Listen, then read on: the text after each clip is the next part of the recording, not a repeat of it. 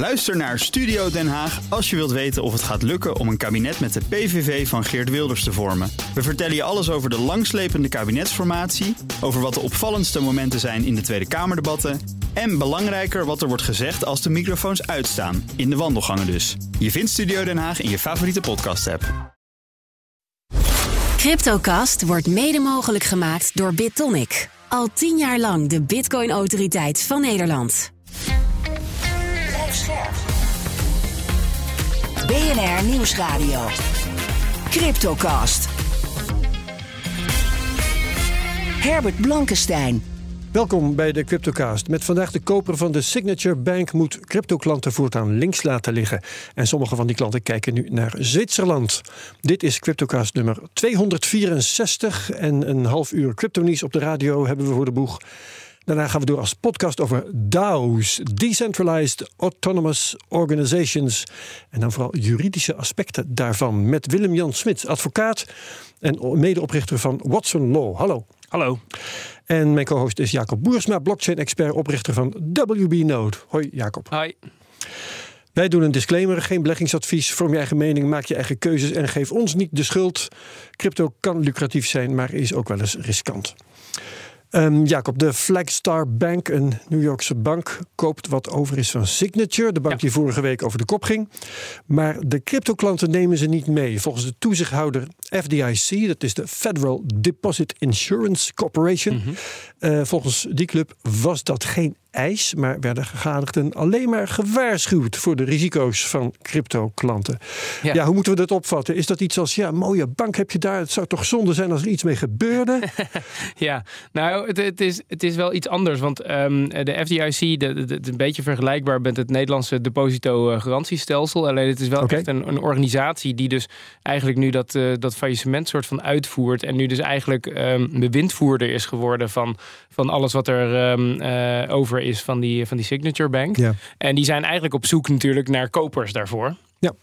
Um, en uh, die hebben eigenlijk geprobeerd om daar uh, de, de, een, een, bank te vinden die, die de hele boedel over wil nemen. Dat is eigenlijk mislukt, uh, lijkt het. En ze zijn hem nu eigenlijk in stukjes aan het opknippen. Ja. Um, en in eerste instantie um, was er een, een, bericht van ja, uh, dat de FDIC zelf had gezegd van nou weet je, al, die, al dat crypto, uh, dat moet je maar gewoon, uh, laat dat maar. Dat, ja, dat, dat meldde Reuters als ik me niet vergis. Ja, en da, ja. daar zijn ze op teruggekomen. FDIC heeft gezegd van nee, we hebben niet gezegd dat het niet mocht. We hebben alleen er wel een waarschuwing bij ge, gegeven. Ja. Dat het hoog risico is. Ja, en omdat het, het hele verhaal een beetje in het teken staat van de Amerikaanse overheid is mm -hmm. anti-crypto. Ja. Uh, vraag je je af, hebben, komen ze nu terug op een uitspraak die ze wel degelijk hebben gedaan? Of heeft Reuters toch een foutje gemaakt? Nou, ik, het, het, is denk ik een interpretatieverschil. Want um, een, een overheidsorganisatie, uh, die natuurlijk ook best wel gelieerd is aan de, aan de toezichthoudende kant, uh, die, die, um, die een waarschuwing geeft voor een hoog risico dat is natuurlijk niet heel erg verschillend van nou uh, rechtstreeks zeggen doe het niet. Nee, dan denk je als bank ja. uh, die een, een, bank gaat kopen, um, denk je toch nou we nemen het zeker voor nou, het precies. Nou, banken ja. zijn natuurlijk uh, redelijk risicomijdend zeker geworden sinds de bankencrisis. Ja. Dus iedere toezichthoudende partij die iets zegt van nou, uh, denk er nog eens goed over na, dat is toch wel een beetje een, een, een red flag. Um, tegelijkertijd um, heeft um, Flagstar, uh, Flagstar niet. Die heeft sowieso maar een heel klein stukje overgenomen eigenlijk. Hm. ze nemen alle branches over, maar bijvoorbeeld ook het, het internetbankieren. Dat, dat wordt ook allemaal nu nog door, okay. de, door de toezichthouder. Dus het is niet alles behalve crypto, maar het is eigenlijk maar een klein partij. Nee, maar het is wel het is de, de crypto te goede. Uh, van klanten, maar ook um, uh, de crypto-dienstverlening die, uh, die Flagstar bood. Want ze hadden dus wel, net als. Wacht dan... even, die Silvergate-boot. Signature sorry, boot. die Signature boot, ja. ja. precies. De Signature boot, um, zeg maar 24-7 settlement aan, um, aan, aan crypto-klanten. Wat best wel belangrijk is, omdat natuurlijk de, de handel in crypto gaat, gaat 24-7 door. Maar normaal gesproken zijn banksystemen, ja, die staan gewoon uit in het weekend. In ieder geval voor, voor interbankbetalingen. Ja. Zeker in Amerika is het interbanksysteem is echt, echt heel ouderwets. Ehm, dus, dus die dienstverlening bieden is wel echt heel significant uh, specifiek voor cryptobedrijven. Ja. Uh, en, en die dienstverlening die hebben ze ook niet overgenomen. Oké. Nou, um, kun je afvragen, wat is nou precies het risico voor een bank van het hebben van cryptoklanten? Behalve dus dat een uh, toezichthouder wel eens moeilijk kan gaan doen. Dat is duidelijk een risico van het hebben van cryptoklanten. Maar afgezien daarvan? Nou ja, het is dus, uh, uh, ja, je, je, hebt dus een hoger uh, know your customer um, due diligence. Ja. maar dat is ook weer vanwege uh, de perceptie van risico. Maar wat zijn de echte risico's? Um, nou ja, een, een, als, je, als een crypto exchange het natuurlijk allemaal goed heeft ingericht en niet uh, meer uh, te goede heeft dan, dan ze achterliggende assets hebben, dan zou er niks mis moeten gaan. Maar ja. goed, we hebben natuurlijk nu in de afgelopen maanden gezien dat er wel ook cryptobedrijven zijn die het daar niet zo nauw mee namen. Fair enough, ja. Dus dan krijg je wel echt natuurlijk een serieus risico. Ja, ja, risico's die ik vanuit het perspectief van de bank ook wel zie zijn, zijn natuurlijk witwasrisico's, waar ook de toezichthouder veel op, uh, op wijst. Die je meer kunt hebben bij cryptobedrijven dan bij uh, andere. Ja, dat is, dat is vanuit het perspectief van, van de bank. En hoe ja. uh, toezichthouders dat zien, kwalificeren ze dat inderdaad als, als verhoogd risico.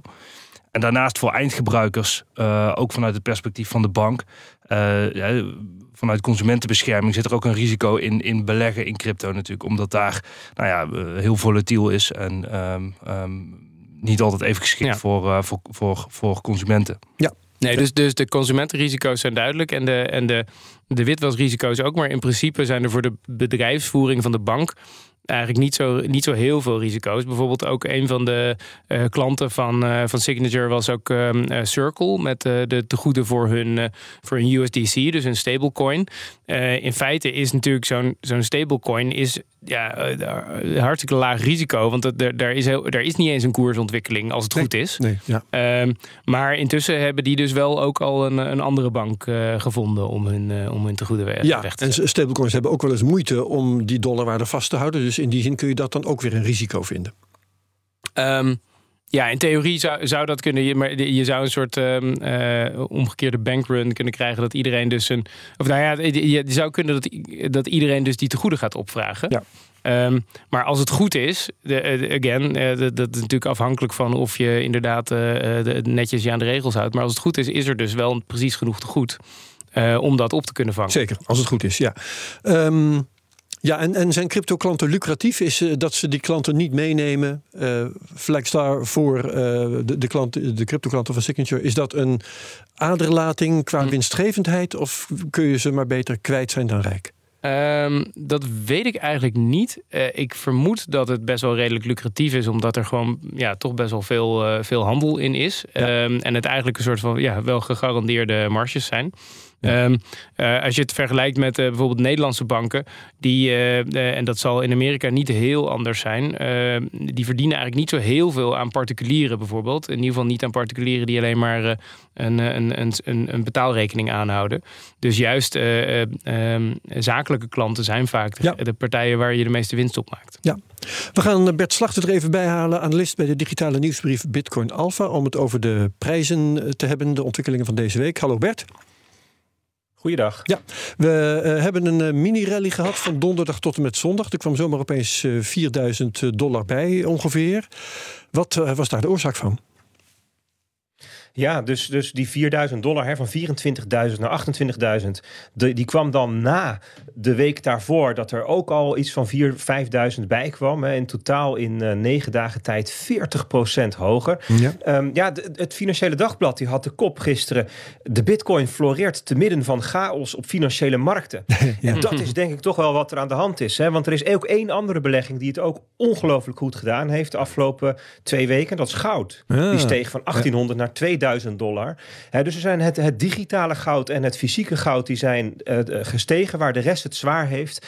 En um, ja, dus, dus beide um, zijn um, activa of bezittingen zonder tegenpartijrisico. En dus, dus ja in het geval van goud fysiek en in het geval van bitcoin is het de enige digitale bezitting zonder tegenpartijrisico. De enige digitale manier om vermogen buiten het banksysteem te bewaren. En dat perspectief, ja, dat lijkt voor sommigen nu aantrekkelijker geworden. Ja, dus dat tegenpartijrisico is blijkbaar heel essentieel. Want uh, ja, goud is altijd al uh, nou ja, uh, een eiland van stabiliteit. Maar van bitcoin kun je dat niet echt zeggen. Nee, dus, dus de koers die gaat alle kanten op en dan nu omhoog. En die kan straks ook wel weer naar beneden. Ja. dus het gaat in eerste instantie um, om het perspectief van dat als um, banken falen of niet meer toegankelijk zijn, dat er dan iets is buiten dat systeem. Hè? En wat natuurlijk de afgelopen weken voor sommige mensen um, ja, toch verrassend was, hoe snel dat kan gaan in, de, in tijden waarin ja, zowel het geld met de snelheid van het licht uit een bank gehaald kan worden hè, door het internetbankieren. Maar ook het sentiment over banken met de snelheid van het licht zich verspreidt via sociale media. Ja, ja, uh, dus Dat, is, uh, ja, dat, dat, dat is nieuw eigenlijk ten opzichte van, laten we zeggen, 15 jaar geleden. Je hebt de uh, afgelopen maanden heb je het steeds gehad over die band van pakweg 17.500 tot 25.000 dollar. Daar zaten we in opgesloten. En ja, alles zou, zou pas anders worden als we die zouden verlaten. Nou, hebben we dat nu um, definitief gedaan, voor zover er ooit iets definitief is? Ja, dat, dat, dat, zou kunnen.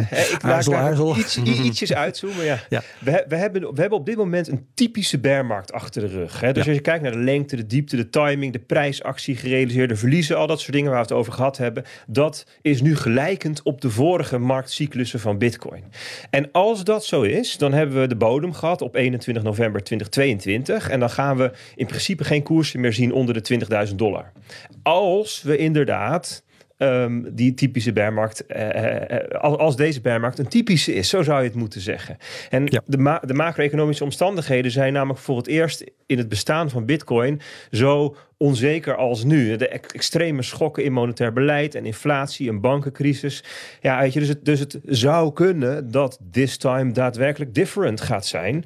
Maar als dat niet zo is, ja, dan denk ik dat we wel veilig kunnen zeggen dat we nu in de um, ja, de herstelfase na zo'n bearmarkt zitten. De, ook allerlei um, uh, data in de blockchain um, wijst daarop. Mm -hmm. we zien weer hogere volumes, weer nieuwe, meer nieuwe gebruikers enzovoort. Oh ja. uh, dus ja, dit ziet er zeker uh, constructief uit. Ja, ja. in de afdeling Curiosa um, kan ik het hebben over, met jou over de vroegere CTO van Coinbase. Hij heet Balaji Srinivasan, als ik het goed uitspreek. die heeft een weddenschap ja. afgesloten om 1 miljoen dollar dat Bitcoin binnen drie maanden een prijs haalt van 1 miljoen dollar. Hm. Hij zegt: ja, we krijgen hyperinflatie. Is dit uh, volkomen van de pot gerukt of is het denkbaar?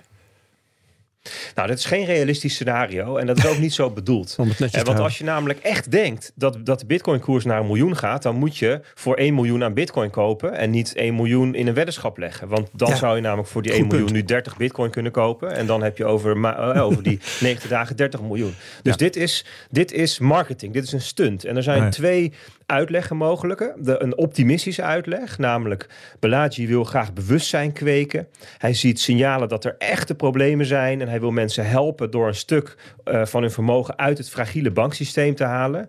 Maar er is ook een pessimistische uitleg, namelijk Bellagio heeft een enorme zak met bitcoins en dit is een hm. campagne om de koers te laten stijgen, zodat hij winst maakt op zijn belegging. Ja, 4% had hij dus nodig ja, hè, om uit de kosten te komen. Klopt, ja. Klopt. Ja, oké, dus het is of-of. Goed. Um, uh, dat is dan uh, opgehelderd, zal ik maar zeggen. Zijn er nog um, uh, bekendmakingen de komende week die we in de gaten moeten houden voor de prijsontwikkeling? Ja, morgen is het rentebesluit van Jerome Powell. Ja.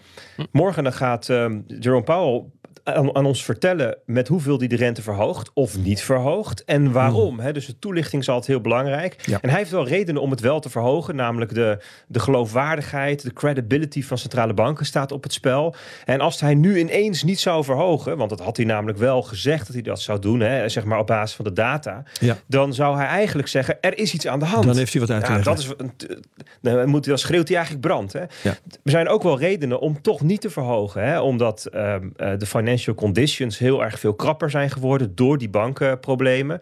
Um, een lagere rente zou ook het bankprobleem oplossen. Hè, want onderliggend hieraan is het probleem dat de rente zo snel gehoog, verhoogd is, waardoor de obligaties minder waard zijn geworden. Dus ja, hij, hij, hij hinkt op twee gedachten, denk ik. Hè, en hij moet een keuze maken. En ik verwacht hij de rente wel gaat verhogen.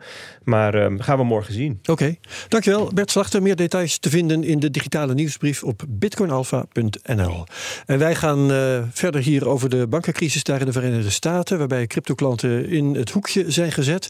Um, Jacob, waar we het nog niet over hebben gehad, hoe vervelend is dit voor die cryptoklanten zelf? Hebben ze een alternatief? Ja, dus um, wat je ziet is dat een aantal van die uh, cryptobedrijven zoals Circle, die zijn dan naar eigenlijk nog grotere banken overgestapt. En uh, bijvoorbeeld groot, echt, echt grote cryptobedrijven à la Kraken en dergelijke, die zitten eigenlijk al bij de, bij de echte grote JP Morgan banken. en zo. Ja, precies. Uh, BNY Mellon is dan degene waar, waar Circle naartoe is. en dat zijn wel weer natuurlijk traditioneel de banken die, die ook sinds de bankencrisis too big to fail bleken te ja, zijn. Daar kun je maar beter zitten. Dus dan, ja, dan weet je in ieder geval zeker dat die niet om gaan vallen. Ja, maar die accepteren dus wel cryptobedrijven blijkbaar. Als ze maar groot genoeg zijn. Waarschijnlijk als ze groot genoeg zijn en als ze dus wel echt uh, door alle regulatory uh, hoepels zijn gesprongen. Um, ja. Alhoewel ik me wel ook kan voorstellen, aangezien um, Signature natuurlijk ook een uh, bank was die statutair in ieder geval in New York, in de staat New York gevestigd was, dat die ook wel onder die best wel strenge New Yorkse um, bitlicense allemaal vielen, die klanten. Dus je zou zeggen dat het ook niet zo moeilijk zou moeten zijn voor hen om, om over te stappen op, op een van de andere grote. Ja. Willem-Jan Smits uh, van Watson Law, advocaat. Um, er wordt wel gezegd, uh, ja, cryptobedrijven gaan naar Singapore. Ze kunnen naar, um, even kijken, wat heb je ook weer nog meer? Dubai bijvoorbeeld. Zwitserland uh, komt nu in beeld. Wat zijn nou de beste jurisdicties voor cryptobedrijven? Waar kun je als cryptobedrijf het prettigst voelen? Ja, dat is een hele goede vraag. Er zitten veel perspectieven aan, dat, aan, aan die vraag. Um, als je kijkt naar, naar banken, dan, dan zijn de jurisdicties die je noemt um, de meest uh, voor de hand liggende omdat daar banken zitten die, uh, die openstaan om, om dit soort klanten te accepteren. Ja. En zijn er nog verschillen onderling? Um, er zitten nuances, zijn geen, ja, geen grote verschillen. Niet belangrijk, oké. Okay. Nee, als je kijkt naar, naar regulering, dan zit er wel heel veel verschil in. Um, de EU is dan uh, een, een, hele interessante markt in de basis, uh, omdat daar al regelgeving is en gaat komen nog. Op dit moment is die regelgeving nog versnipperd. Um, ziet op, uh, op uh, anti-witwaswetgeving. Versnipperd tussen alle, alle lidstaten. Maar er komt een, een verordening aan die dat allemaal gaat harmoniseren. en ervoor gaat zorgen dat met één vergunning je in de hele EU uh, actief ja. kan zijn in alle lidstaten. Maar stel nou dat je een Amerikaans bedrijf bent en je wilt in Amerika zaken blijven doen, maakt het dan niet uit of je bijvoorbeeld in Zwitserland je, je bank hebt zitten of maakt dat wel uit? Nou, dat, dat, dat maakt in principe niet in Zwitserland uh, uh, niet uit. Um, zolang je niet actief bent op die markt. Als je alleen uh, daar de bankrelatie hebt, dan richt je je niet tot, uh, tot die jurisdictie. En dan hoef je dus ook niet aan die wetten te voldoen. Als je ook daar reclame wil maken en actief Zwitserse klanten wil werven, of in Nederland uh, dat in Nederland zou willen doen, dan moet je ook aan, aan, aan de regelgeving uit dat land voldoen ja. en daar de licenties en de, en de nee, Maar als het gaat om zaken doen in Amerika, krijg je geen moeilijkheden in, in Amerika als je een bankrekening in Zwitserland hebt? Dat is eigenlijk mijn vraag. Vermoedelijk niet. Vermoedelijk niet. Nou, het, okay. het, gaat, het gaat er natuurlijk ook een beetje om wat je kunt bieden aan je klanten. Hè? En als dat uh, uh, zakelijke klanten zijn, dan, uh, dan zullen die waarschijnlijk wel ook toegang hebben tot, tot internationaal betalingsverkeer. Of dat in ieder geval niet, zo, niet zo bezwaarlijk vinden. Maar als je bij wijze van spreken ook particulieren geld wil kunnen laten inleggen voor zo'n voor zo'n crypto exchange dan is het natuurlijk wel lastig voor een, lastiger voor een Amerikaan om geld over te maken naar Zwitserland. En dan heb je ook nog eens een, een, een, een exchange die je moet doen naar, naar Zwitserse frank waarschijnlijk. Uh, dan dat er een, een on-ramp, zoals dat heet, uh, in, uh, in Amerika zelf is. Nou, dat, dat is zeker waar. Maar vermoedelijk ja. zal zo'n bank ook wel, wel dollarproducten aanbieden. Maar het feit dat je als Amerikaan, die toch heel erg op een eigen land gericht zijn, naar een, naar een bank in een ander land zou moeten, dat, dat is voor zo'n voor zo'n bedrijf ongetwijfeld bezwaarlijk. Ja, oké. Okay. Um, krijgt Amerika hier spijt van? Uh, uh, het, het, lijkt er nu op dat er cryptobedrijven worden weggejaagd. Mm -hmm. Niet allemaal, maar een aantal wel. Um, is dat, uh, kijk even twee kanten op. Ja. Wie kan hier wat zinnigs over zeggen? Heeft Amerika hier last van straks? Ja, ik denk dat Amerika hier last van gaat krijgen. Ja? ze lopen echt voorop als je kijkt naar, naar handelsplatformen. Nu nog bedoel je? Nu nog. Ja. wereldwijd, de grote namen zitten toch voornamelijk in, in Amerika. Coinbase, Kraken. Exact. Ja. Um, als ze die bedrijven uh, zo tegen gaan werken, dan gaan die, gaan die daar gewoon weg. En gaan ze die, die voorsprong verliezen. Je ziet dat de EU bezig is met, met regelgeving om, dat, om, om wel een, een, een, een klimaat te scheppen waar, uh, waar duidelijkheid is. Um, ik verwacht dat dat in Amerika op termijn ook gaat gebeuren. Maar daarmee zijn ze wel hun first mover advantage kwijt. Ja. ja, en het is dus een vraag uh, of, of de regelgever dit ook uh, belangrijk vindt. Hè? Dus in welke, in welke mate ze zoiets hebben van nou, we vinden het belangrijker dat we van al deze witwasrisico's en, en ellende af zijn. En ja, wat, wat, voor impact dat gaat hebben op de economie. Dat is dan, ja, daar, daar gaan weer andere onderdelen van, uh, van het staatsapparaat natuurlijk over. Ja, en die zitten elkaar wat dat betreft een beetje in de weg, bedoel je eigenlijk? Ja, maar dat zie je natuurlijk in meer landen. Uh, dat, ja. dat, dat het, partij, de, de, het ministerie van Economische Zaken, bij wijze van spreken, altijd toch wel graag een soort positief ondernemersklimaat wil hebben. Terwijl ja, de, de justitie en financiën-achtige kant. Die denken aan andere aspecten. Die willen, ja, die willen liever zoveel mogelijk bad apples weg hebben. En als er dan een paar good apples mee, mee worden weggejaagd, dan is dat maar. Jammer dan. Ja, ja oké.